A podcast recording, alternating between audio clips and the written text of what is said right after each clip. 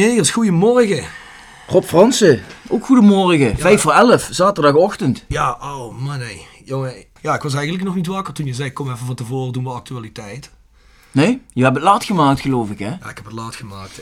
We doen een eenjaarlijkse avond altijd waar we ons treffen met de oude vrienden van de basisschool. De doorkijk in mijn geval. Ja. Op de staat. Ja, dan ga je naar Kerkrade naar het voetballen, hè. En dan wordt het laat.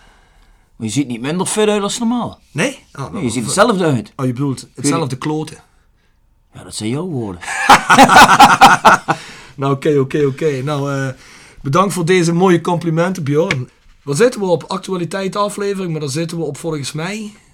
Ik ben de tel kwijt, Rob. We doen het 17 zo of vaak. 18,5. Potverdomme, ik weet het ook niet. Zoveel al? Ik heb een excuus, hè. Ik was iets te lang wakker en iets te veel alcohol had ik in me. Nou, het zijn je vergeven, Rob. Goed, luister Bjorn, we gaan eerst even onze sponsors na. Ja, klopt. Nou, waar zitten wij vandaag, Bjorn? We zitten vandaag voor de afwisseling weer eens bij Next Door Kapsalon, Nagel en Beauty Salon aan de Locht 44A8 in Kerkrade. Ja, en dat is gezellig. Ik heb broodjes bij me. Je hebt broodjes bij je, je hebt eh fly bij je. Je hebt eh Ja, lekker we, hebben zo meteen Mitchell Paulus hier, hè. Zometeen komt Mitchell Paulus. Mitchell is blijven hangen nadat hij gisteren eh, hierin is gekomen, de punten weg heeft gesleept. Dus ik denk van ja goed, als, we- als dank neem ik een stukje Limburgse Vlaam mee. Hè? Prima. Dan gaan we hem dadelijk aan de tand voelen. Zeker. Jegers Advocaten, Hart voor weinig, nooit chagrijnig. Hotel Restaurant Veilerhof. Van Ingo Bulles, mooie veilen. En dan hebben we hotelrestaurant De Bernardeshoeve van Marco van Hoogdalen. En zijn vrouw Danny moeten we altijd wel even erbij Altijd zeggen, erbij hè, want zeggen. anders is Danny boos. Ja, ja, zeker, zeker, zeker. GSR Music. www.gsrmusic.com voor het hardere muzieksegment. En ga naar die website. Ik ben er zelf ook wel een paar keer op gaan kijken hoor. Dus, Ben je gaan eh, kijken? Ja, mooi materiaal. Het is wel een beetje mijn muziek. Goed spul heeft die, eh, die Theo, moet ik zeggen. Misschien dat we Theo kunnen overtuigen dat hij eens een keer een, eh, een, een pakketje stuurt. Dat doet Theo wel, denk ik. Nou, dat weet ik niet. Jawel, Theo, als je dit luistert. Ja. Wel, dat doet hij. Ja, goed zo. Nou, dan hoop ik voor je, Bjorn. Dan hebben we internetgroep Limburg, iPhone reparatie Limburg op het Wouderpad 7 in Beek. Ook webdesign geloof ik, hè? Doen webdesign, doen webonderhoud, doen van alles. Kun je alles wat web aangaat, kun je erheen. En natuurlijk iPhone reparatie. Verdomme, dan zat ik gisteren nog eens een keer naar die eh, Van de Leur eh, podcast van ons te luisteren. Ja. En dan hoor ik daar dat ik alweer zeg voor de derde keer dat ik nog altijd niet heb gekeken of ze Samsung schrippen. Weet je dat nog altijd niet? Nee, dan moet ik die jongens, ik moet even contact Dat is echt opnemen. slecht, dat is doe slecht. doe maar, doe maar. We hebben stok grondverzet. Ja, Stok rondverzet, Leon Stok. Hè, Kijk, Leon Stok was al een kikse type. Maar toen hij ons ging sponsoren, dan werd hij nog kikser. werd hij nog veel kikser. Dus als je iets gegraven moet hebben, afgegraven, van alles. Wat leg je? Graaf voor kabels, alles doet hij. Alles. Ja, gewoon even contact opnemen. En dat eh, doet hij kwalitatief heel goed. En als we het dan hebben over een kikse type, dan kom ik meteen uit bij Rapi Auto Demontage. Net de sponsoring verlengd. Heeft Dus, hij verlengd? Ja, luister, hij merkt natuurlijk wat de rendementen van die sponsoring zijn. Er wordt wat veel gesloopt, denk ik, op het moment. Ja, ik denk het ook. Aan de Locht 70 in Kerkrade, Ra Ja. Rapi Auto Demontage. En dan hebben we Willem Weber Keukens in de Boebegraaf 1 op Schijnveld. Keukendesign voor elke beurs. Keukendesign voor elke beurs. Check Ja. dat uit. Patrick Willeweber. En gepresenteerd wordt de podcast door South 16 natuurlijk, hè? South 16. Hey, we zitten hier, Bjorn, en we hebben een, al lang geen actualiteitenpodcast meer gedaan. En wij kregen natuurlijk heel veel vragen door alle turbulente omstandigheden van de laatste weken. Waar blijft die actualiteitenpodcast van jullie? En wij hebben het dan met z'n tweeën aan de telefoon over gehad. En wij hadden ervoor gekozen om eerst even de kat uit de boom te kijken. Voordat we allerlei podcasts in de wereld slingerden. Ja. Want eigenlijk was er elke dag wel wat nieuws te vertellen. En het wisselde ook heel erg van wie gaat het nou worden, wie gaat de club overnemen. Er waren een reeks van kandidaten. En toen hadden wij zoiets, nou weet je wat, we wachten heel even, kijken de kan uit de boom en dan geven we onze mening. En dat gaan we nu doen. Ja, precies. Ja, en, de krant en de media stond er dagelijks eh, vol van. Dus we hadden eerst zoiets van, ja goed, wat voegt dat nog toe als mensen voor ons daar iets over horen.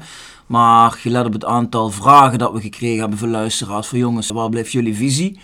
Moeten we er toch aan, Rob? Moet je heel eerlijk zijn, hè? onze visie is natuurlijk ook niet de minst belang onbelangrijk. nee, nee, dat is misschien wel de belangrijkste. Jazeker. Hey, maar voordat we dat doen, gaan we heel eventjes praten over de twee afgelopen wedstrijden. Jong PSV van de afgelopen maandag en heel recent gisteravond Cambuur thuis. Nou, we zaten eigenlijk een beetje in een winning streak. We hadden een aantal wedstrijden achter elkaar gewonnen. Er zat wat gelijk tussen. Maar we waren goed op weg. Kon de eerste eh, koploper worden in de periodestand. Is maar kort onderweg, maar toch, bij Jong PSV. Dat hebben we nagelaten. Ja, dan zak je gisteren compleet door het ijs eigenlijk.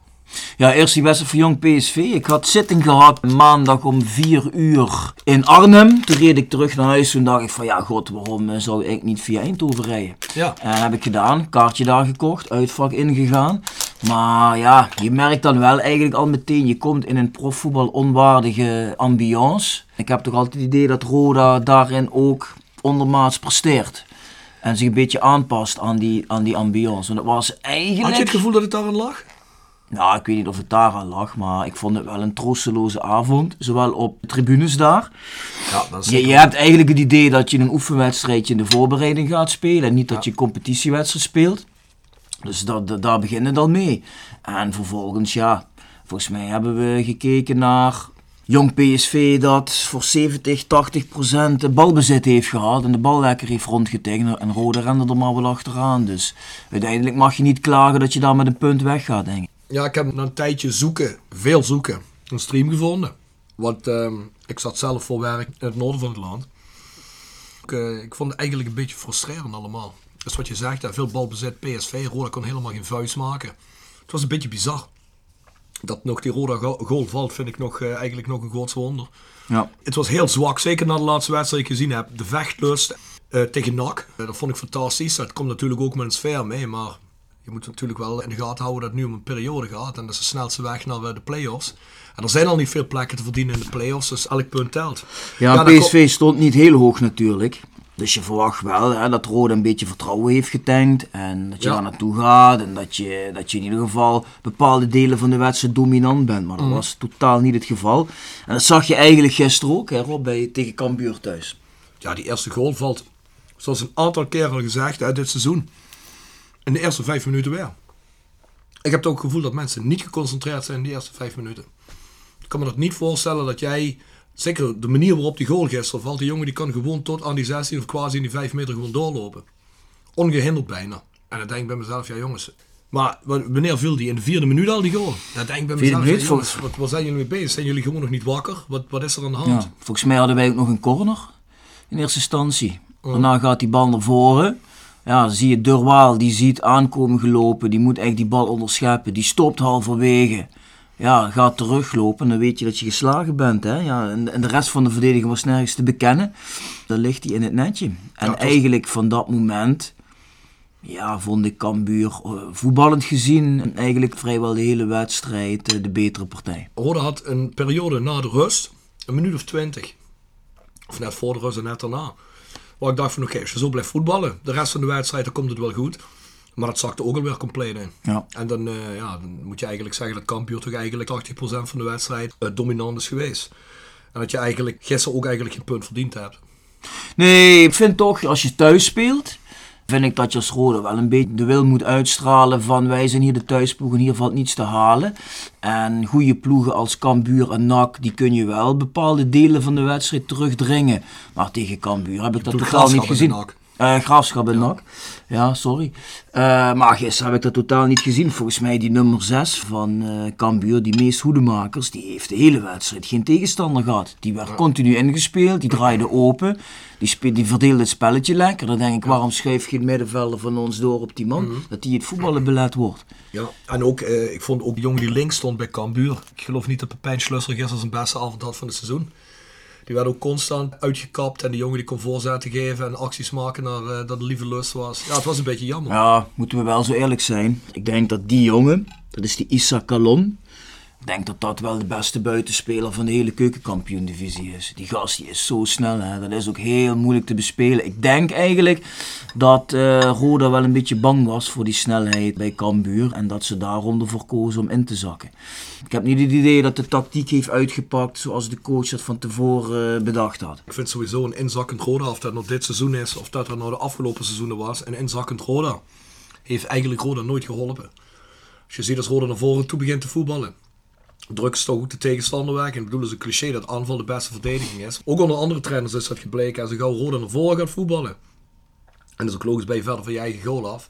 Maar ehm gaat het ook al heel snel een stuk beter. Dan krijg je een beetje publiek erachter ook. Hè, als je verder Ja. vanaf. Maar ja, goed. Ja, was- weet je wat het is? Kijk, als je nou gewoon vol eh, die tegenstander ook probeert te willen op te leggen. En je gaat naar voren toe en je loopt dan een keer tegen een counter en je verliest daardoor. Dan heeft het publiek er wat meer vrede mee dan als je gisteren 90 minuten hebt Ja. zitten kijken naar een ploeg die een beetje met de billetjes dichtgeknepen naar achteren Ja. loopt. En je hoopt dan maar op een bal naar voren en dat Ugbo er wat eh, goeds mee doet. Ja, Mitchell Paulussen viel gisteren in. Een beetje publieksreactie op natuurlijk. Toch een publiekslieveling altijd geweest. En dan maken ze die 2-1. En dan betrap ik mezelf erop dat ik tegen lui zeg... Mitchell is toch niet mee in het vieren nu, hè? Uiteraard viert hij mee, dat is zijn team. Maar dat is toch onwennig, vind ik. Ja, dat is een beetje gek om te zien hè. Ja. Hij had zelf ook bijna gescoord. Met die bal wat hij op de 16 opvangt. En dan schiet hem recht op Muiters. Was natuurlijk voor hij ons wel... gedaan. Nou, Recht op Muiters Ja, geschoten. dat zou kunnen. Maar het was voor ons wel pijnlijk geweest, denk ik, als hij erin was gegaan. Hè. Ja, dat was voor hem natuurlijk een stukje gratificatie geweest, denk ik. Wie weet. Ja, we, zullen, we zullen Mitchell sowieso dadelijk eens aan de tand voelen. Tot zover de recente wedstrijden. Eigenlijk niks om over naar huis te schrijven. Dus we hopen dat die volgende wedstrijd er beter uitziet. We hebben volgende wedstrijd Dordrecht uit, geloof ik. Dordrecht uit, ja. En dan volgens mij Go Ahead uit en dan Excelsior thuis. Excelsior thuis is trouwens weer een 5 euro actie. Zoals het er nu uitziet, en dan weten jullie alvast, komt er weer een eh, 16 afterparty eh, daarna. De vorige afterparty die was eh, zeer succesvol. Het was stampend stampvol in, die, in de, ik zet bijna de hele kaart, in de, in de Schacht.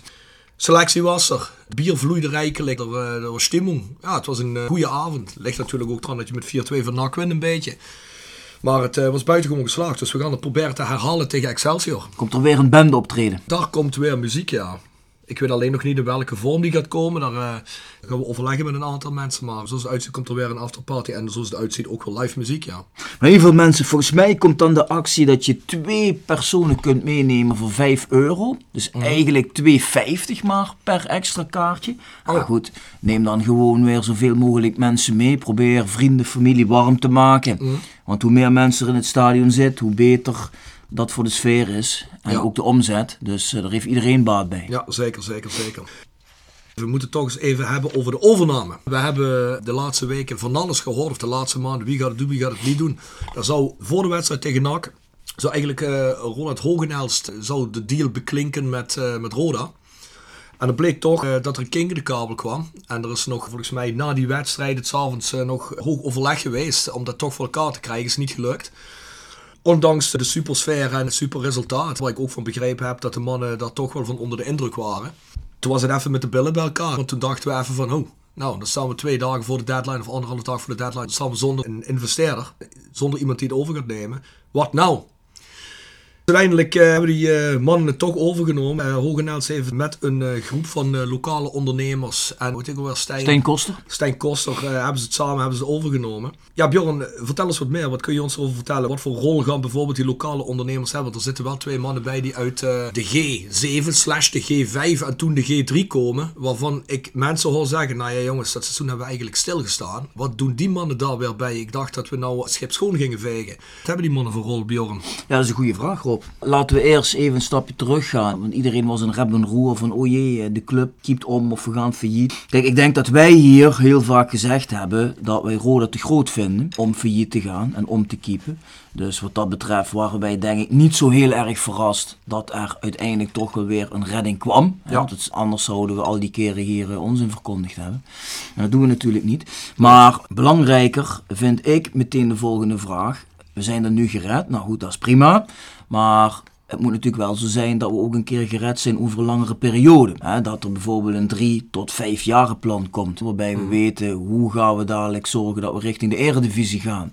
Het moet niet zo zijn dat we nu gered zijn en dat we dadelijk over vier maanden eh, als het voorjaar weer gaat beginnen, dat er weer onduidelijkheid is van staan we nog wel richting komend seizoen toe.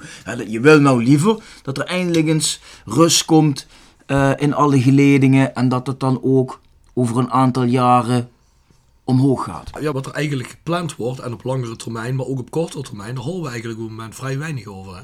Nee, dat is het. Kijk, je vraagt net van wie gaat wat doen. Ik denk dat dat onduidelijk is. Althans, ik, weet, ik heb geen idee. Volgens mij zijn de mannen nu vooral bezig om in kaart te brengen hoe eh, ziet het er financieel uit, welke contracten liggen er, welke deals liggen er, waar kunnen we ons op dat vlak gaan verbeteren.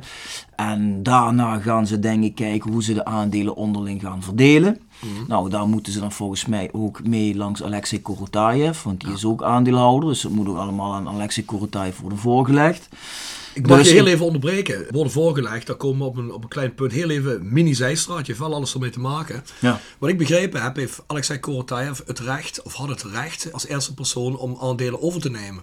Is het nou zo dat eigenlijk iedereen langs Korotayev moet voor een goedkeuring moet vragen of dit überhaupt wel kan op deze manier? Of hoe moet ik dat interpreteren? Nou, volgens mij is het zo dat op het moment dat die heren gaan roepen, wij gaan de aandelen verdelen. En Stijn Koster krijgt een x-percentage, Roland Hogenlijns krijgt een x-percentage. Volgens mij moet je dan volgens de regelgeving eerst naar Alexei Korotayev en dan moet het eerst aan hem aangeboden worden. En als hij zegt, ja maar ik wil ze zelf tegen die voorwaarden, dan kunnen wij dat kunnen doen.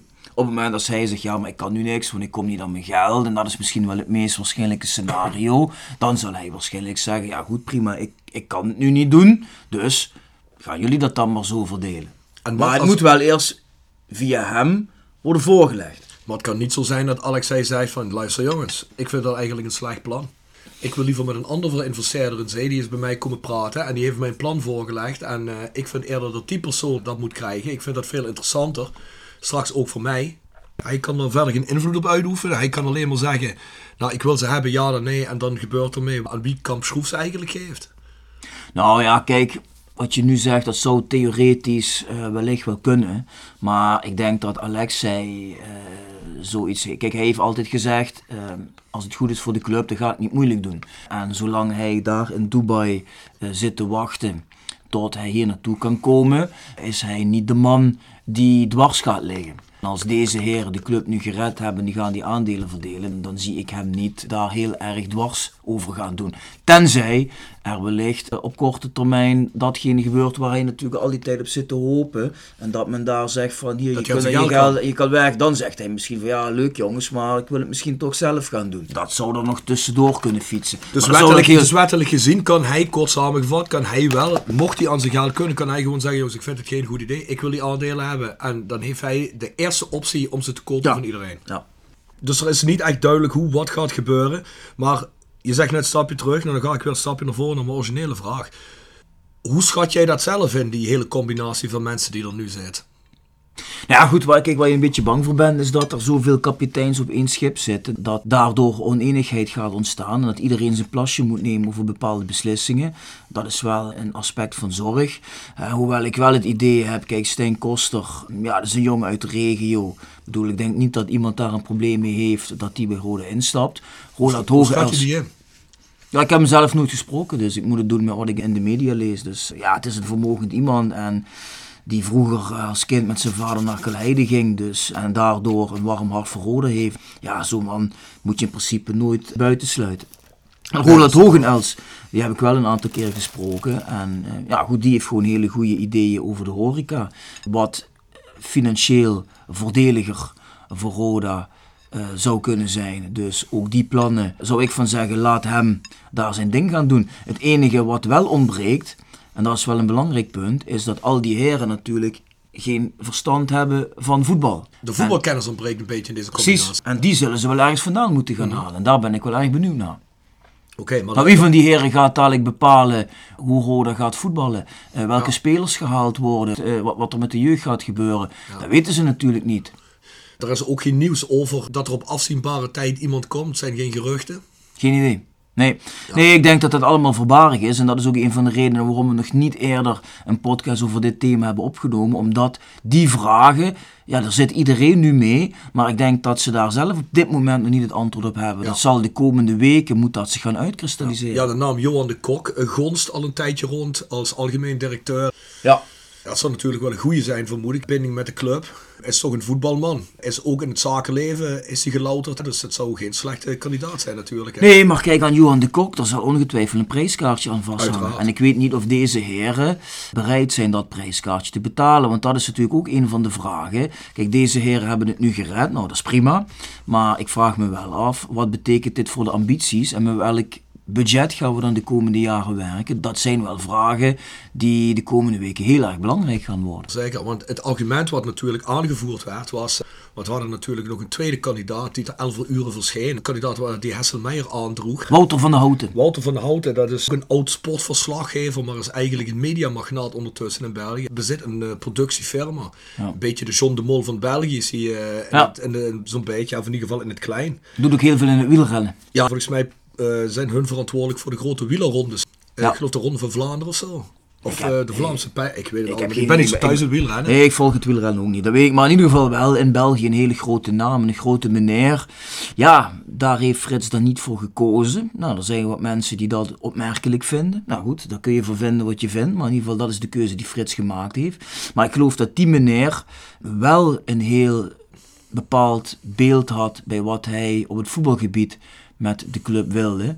Dus misschien kunnen de heren die nu aan het roer zitten hem nog eens bellen en kijken of hij daar behulpzaam in kan zijn. Ja, Rob, in ieder geval voor zover ik eh, begrepen hebben, wij met het platform begrepen hebben, was de optie Wouter van der Houten wel een stuk concreter dan in de media bleek.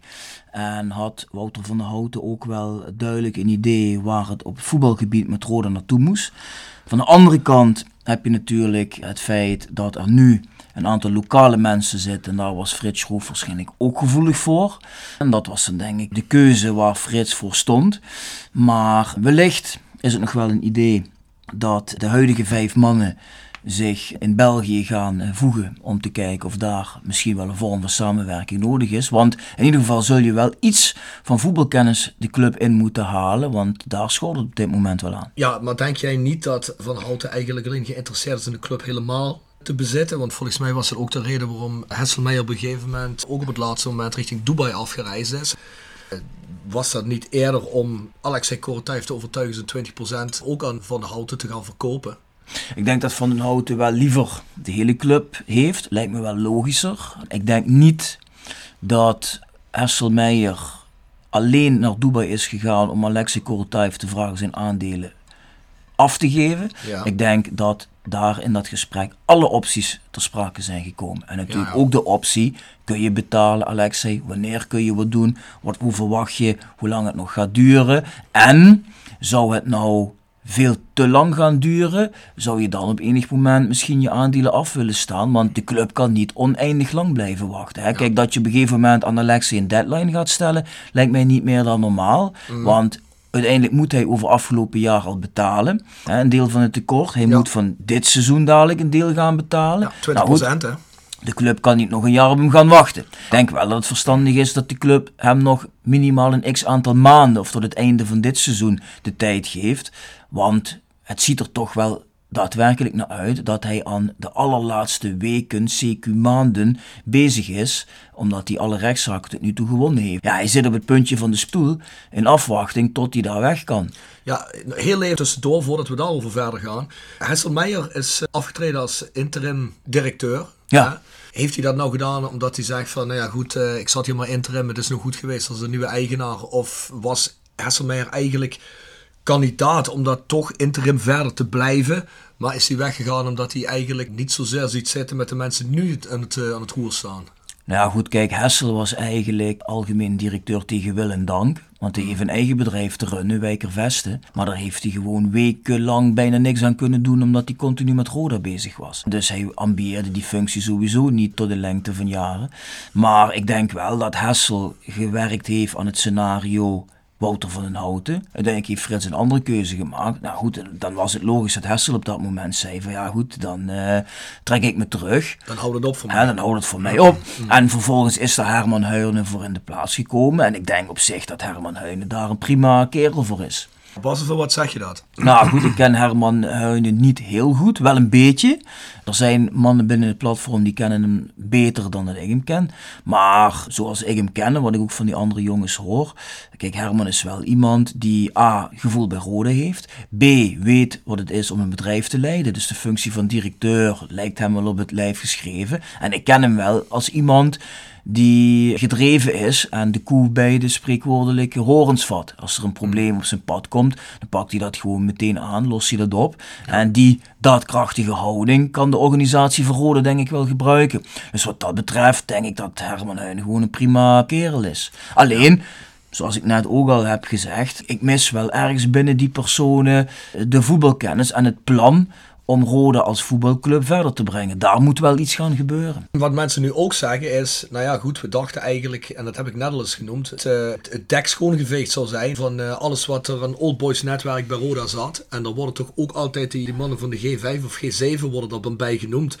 En Herman Huinen, dat is natuurlijk ook iemand die al uh, sinds die dagen en ook al wat eerder bij de club verkeert. En ook bekend is bij het plus en daar ook zijn connecties heeft. Dan wil dat niet per se zeggen dat dat slecht is.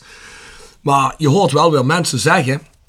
Nou ja, goed, dan zitten er toch weer mensen die uh, vroeger het schip eigenlijk uh, tegen de wal aangezet hebben. Ja. Is dat terecht? Of ja, goed, kijk, het is wel bijzonder dat Stijn Koster eerst gezegd heeft van ik wil dat er schoon schip gemaakt wordt. En nu uiteindelijk komen Bert Peels en Jan Bagge terug van de voormalige G7. Mm. Ik mhm. schaar daar Herman Heurne eigenlijk niet bij, want die heeft nooit een officiële functie bekleed. Dus die vind ik niet Old Boys Network. Maar Bert Peels en Jan Bagge hebben dat natuurlijk vorig jaar wel een heel seizoen gedaan. En ja, als je het dan hebt over schoon schip maken, dan is dit niet schoon schip maken. Van de andere kant vind ik ook, als deze twee heren nu instappen en ertoe bijdragen dat Roda door kan en dat er geen minpunten worden opgelegd, bij wijze van spreken. Of in ieder geval Rode niet failliet gaat, ik noem maar eens even wat. Mhm. Dan zul je ze daar ook weer bij moeten betrekken. En niet alleen maar naar het verleden wijzen en zeggen: vorig jaar uh, is het niet goed gegaan, of daar, daar zijn we niet blij mee, dus je bent niet meer welkom. Ja, dat is ook de kol de bocht. Maar het is geen schoon schip maken, nee. Nee, ja goed. Maar ik denk dat we dat eigenlijk pas goed kunnen bepalen als we zien wie welke rol krijgt. Ik bedoel, er zijn allerlei theorieën over wie wat gaat doen. Dat misschien alleen maar Bert Peers en Jan Bang erbij betrokken worden om het gewoon rond te krijgen. Dat ze niet echt een functie gaan bekleden of dat het niet echt iets wordt. Dat ze zich echt in de club... Uh, gaan verdiepen. Dat het maar een tijdelijke overgang zal zijn. Dat, dat zometeen iemand anders uh, misschien een stuk aandelen overneemt. Dat het alleen maar is om het niet failliet te laten gaan. En zo heb je nog een aantal theorieën. Misschien stappen die mannen er ook helemaal in en gaan ze echt ja. het schip ook sturen. Dat weet ik niet. Nee, dat weten we niet. Dat, die plannen zijn echt niet bekend. Dus uh, ik denk dat we daar heel even op moeten wachten. Het is inderdaad, wat je zegt, een beetje natuurlijk een rare wending van Stijn Koster. Om het eerst inderdaad heel resoluut te zeggen: het schip is niet schoon, dus uh, ik stap niet in. En dan eigenlijk een week later het niet schone schip dan te betreden. Ja, Dat is een beetje komisch. Dat is inderdaad bijzonder. Van de andere kant, ik denk dat zij zelf zullen zeggen van ja goed, het was dat weekend was het of iemand stapt in en anders heb je mogelijk punten aftrek, faillissement. Dus iemand moest iets doen. Ja goed, en als je dan met een clubje eh, bij elkaar komt en je legt geld in, ja dan wordt daar onder die druk wordt alles vloeibaar. En dan wordt er voor zo'n bepaald traject gekozen. Maar ik ben net zo benieuwd als jij om straks te gaan horen wie nu daadwerkelijk welke rol gaat vervullen. Ja, we zullen het zien. We weten ook dat eh, Roda onder druk niet altijd de beste beslissing heeft gemaakt. Met name het kamp Schroef. Alle eer aan Frits Schroef. Want die zei op de maandag ook alweer. Nou, als niemand uh, straks uh, de bankgarants kan neerleggen, dan doe ik hem alweer. We moeten zeker niet de waarde van Frits Schroef onderschatten, maar in dit proces is het oordeel niet altijd even goed geweest. Nee, dat is ook zo. Maar goed, ik kijk liever vooruit dan achteruit. Maar ja, zoals net gezegd, ik ben nu heel erg benieuwd naar de plannen.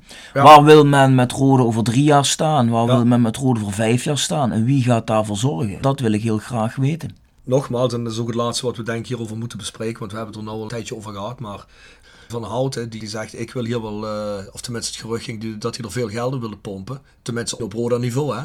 Dat hij er echt meer vooruit wilde over de komende jaren. Ja, het enige wat we eigenlijk tot nu toe horen van deze investeerders is of niks, of dat ik zie het met de catering wil zitten en ik wil dat allemaal exploiteren. Natuurlijk heel dankbaar dat de club overgenomen is. De man maakt ook een goede indruk op zich. Uh, Stijn Koster ook, hij is iemand die uit de buurt komt, zoals je zelf al zegt. Het hele profiel is veelbelovend, maar ik kan op een moment niet meer enthousiast worden van niemand. Ik moet het eerst allemaal nog wel eens een keer zien. We zijn ook lichtelijk enthousiast geweest in het begin over De La Vega, hoe die bepaalde zaken aanpakte. We zijn in het verleden ook enthousiast geweest over andere mensen die aan het roer stonden. Ik ga niet meer enthousiast zijn over niemand. Ik moet het eerst zien. De enige waar, uh, waar ik nog enthousiast een klein beetje voor word is Korotayev. Omdat die man al bewezen heeft dat hij er geld in pompt terwijl hij eigenlijk helemaal niks heeft. Ja, hij heeft 20% maar hij kan niks. Dat vind ik een motie van vertrouwen verdient zo iemand. En van deze man heb ik nog helemaal niks gezien, alleen gehoord. Nou, we krijgen amper 2 miljoen bij elkaar met z'n allen. Er wordt gezegd, heb vertrouwen in het exploiteren van het stadion. Ja. Nee, van schade en schande word je wijs. We zijn in het verleden inderdaad vaker enthousiast geweest. Maar kijk, de club redden is natuurlijk prima, daar kan niemand tegen zijn. Maar ja, goed, het, het- het belangrijke werk moet nog gebeuren, want we willen richting de eredivisie. En daar zal een plan voor moeten komen. Ja, Bjorn, over Korotayev gepraat. We hebben het er net al heel kort over gehad. Je zegt het loopt tegen het einde aan. Nog nieuws of zijn we nog altijd op het punt waar we een maand, twee maanden geleden zaten? Nee, hetzelfde punt. Ik denk eh, dat we op het punt zitten van een maand geleden. Hè. Eh, Helene heeft hun zaak tegen, eh, is in de strafzaak in cassatie veroordeeld. Ja. Dus dat is heel goed nieuws. Maar de formaliteit die moet plaatsvinden is dat die civiele rechter nu dus zegt dat Helene geen geldvordering op Alexei Korotayev heeft. En dan mag hij reizen, dan zou hij aan zijn geld moeten En kunnen. dan komen ze rekeningen vrij, hè, toegankelijk. Dus het is eigenlijk een formaliteit waar we nu al een maand op zitten te wachten. Waarvan we gehoopt hadden dat het al lang nu gepiept was. Waarvan je niet weet of het nu nog een maand duurt, of twee maanden, of drie dagen. Hè, dat weet je in Dubai gewoon hetzelfde nooit. geld kan het gewoon morgen gebeuren. Zou in theorie morgen kunnen zijn. Het zou ook pas over twee maanden kunnen zijn. Hoe dan ook, de verwachting is wel dat het max enkele maanden kan zijn, echt max. Dus daarvoor lijkt het mij wel verstandig dat Roda hem nog een x aantal maanden de tijd geeft voordat ze bijvoorbeeld zeggen van ja, zou je niet je aandelen willen afstaan, zodat we daar financieel wat mee kunnen. Ik zou hem wel proberen erbij te houden, want je weet wel, als die man aan zijn geld komt, is het wel iemand die niet te beroerd is om het geld in Roda te steken. Dan hangen we de slingers uit, hè. Dan wordt, komt er een party in de Music Dome. Komt er party in de Ja, muziek ja, ja. dan? Is dat zo? Ja, dat heeft Alexei gezegd. Zodra hij hier komt, huurt hij de Music Dome af, een paar DJ's erin. Demi-Sec, Bon whatever. Pain? Bon van Pain, Madball. Oh, dan een groot, grote party. Goddamn, dat wordt wel een goeie En dan. gaat het los dan? Kom je ook even langs, Mitchell, of niet?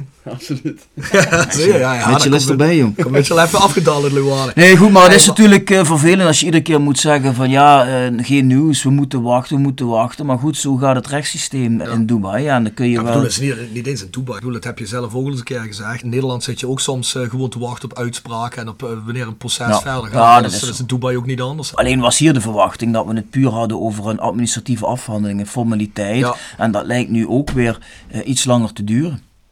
Als laatste heel even. Sef Goos heeft zich weer geroerd. Sef Vergoosen begint weer over FC Limburg. Ja, daar word ik altijd doodmoe van, Rob. Ja, maar dat thema is toch al lang, eh, is Ja. al lang dood en begraven. We hebben het toch al een paar keer gezegd. Zelfs al zou Roda op de een of andere manier willen fuseren met iets.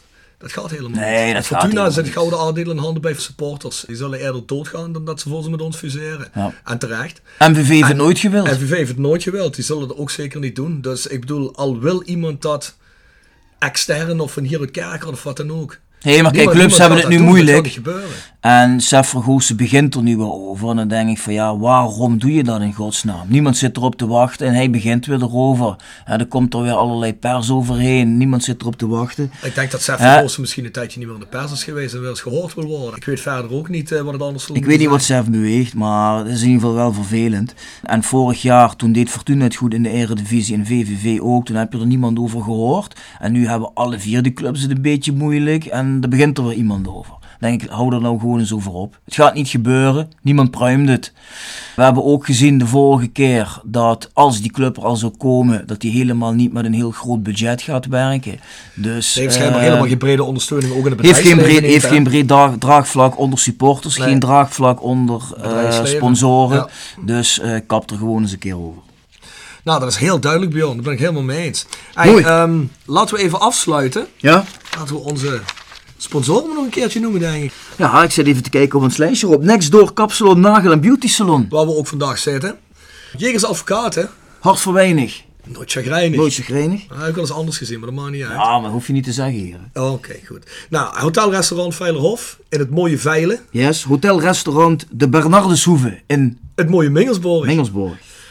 Daar hebben we GSR Music. www.gsrmusic.com voor het harde muzieksegment. Gaan we trouwens misschien niet deze sessie, maar een volgende sessie weer iets verloten. Deze keer Madball merchandise. Kijk, maar doe Misschien ik mee. moeten- we die houden voor eh, als we bij Huub Stevens zitten. Wat denk je daarvan? Zou mooi zijn, hè? Denk je dat Huub ook misschien geïnteresseerd is in een Madball? Ik denk dat Huub wel een paar cd's voor Madball heeft, Rob. Denk je dat? Ja, denk ik wel. Zou ik een Bob Pains Moet hem vragen, moet hem vragen. Ja, maar je belooft veel mensen boord van Pain CD's, maar niemand krijgt die ene. Ga ik dadelijk ook een Mitchell Paulus beloven. Ik weet Nou, niet of hij daar blij mee is. Dat weet ik niet. Die mag, we je, straks die mag je verder geven. Ik heb een paar vrienden in Leeuwarden.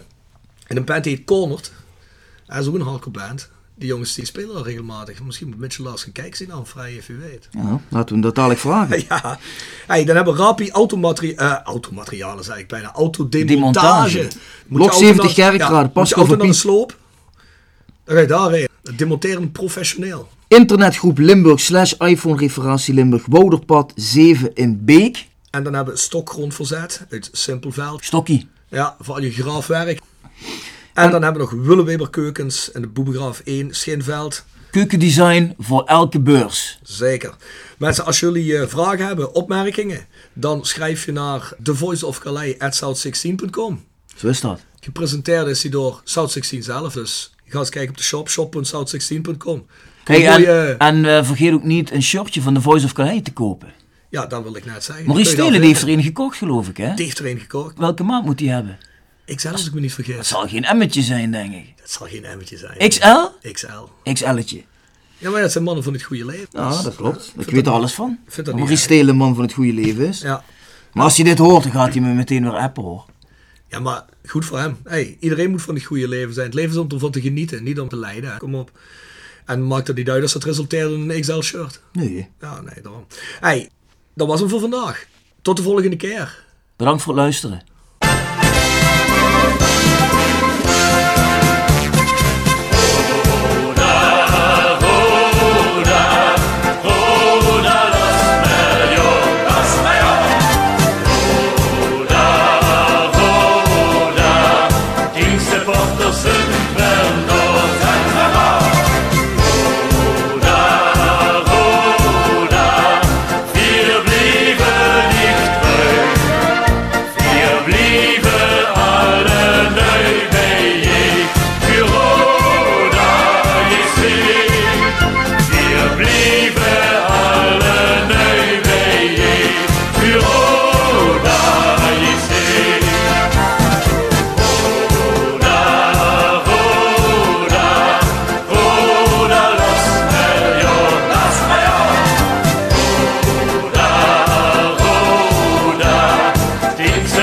Nelson Velma.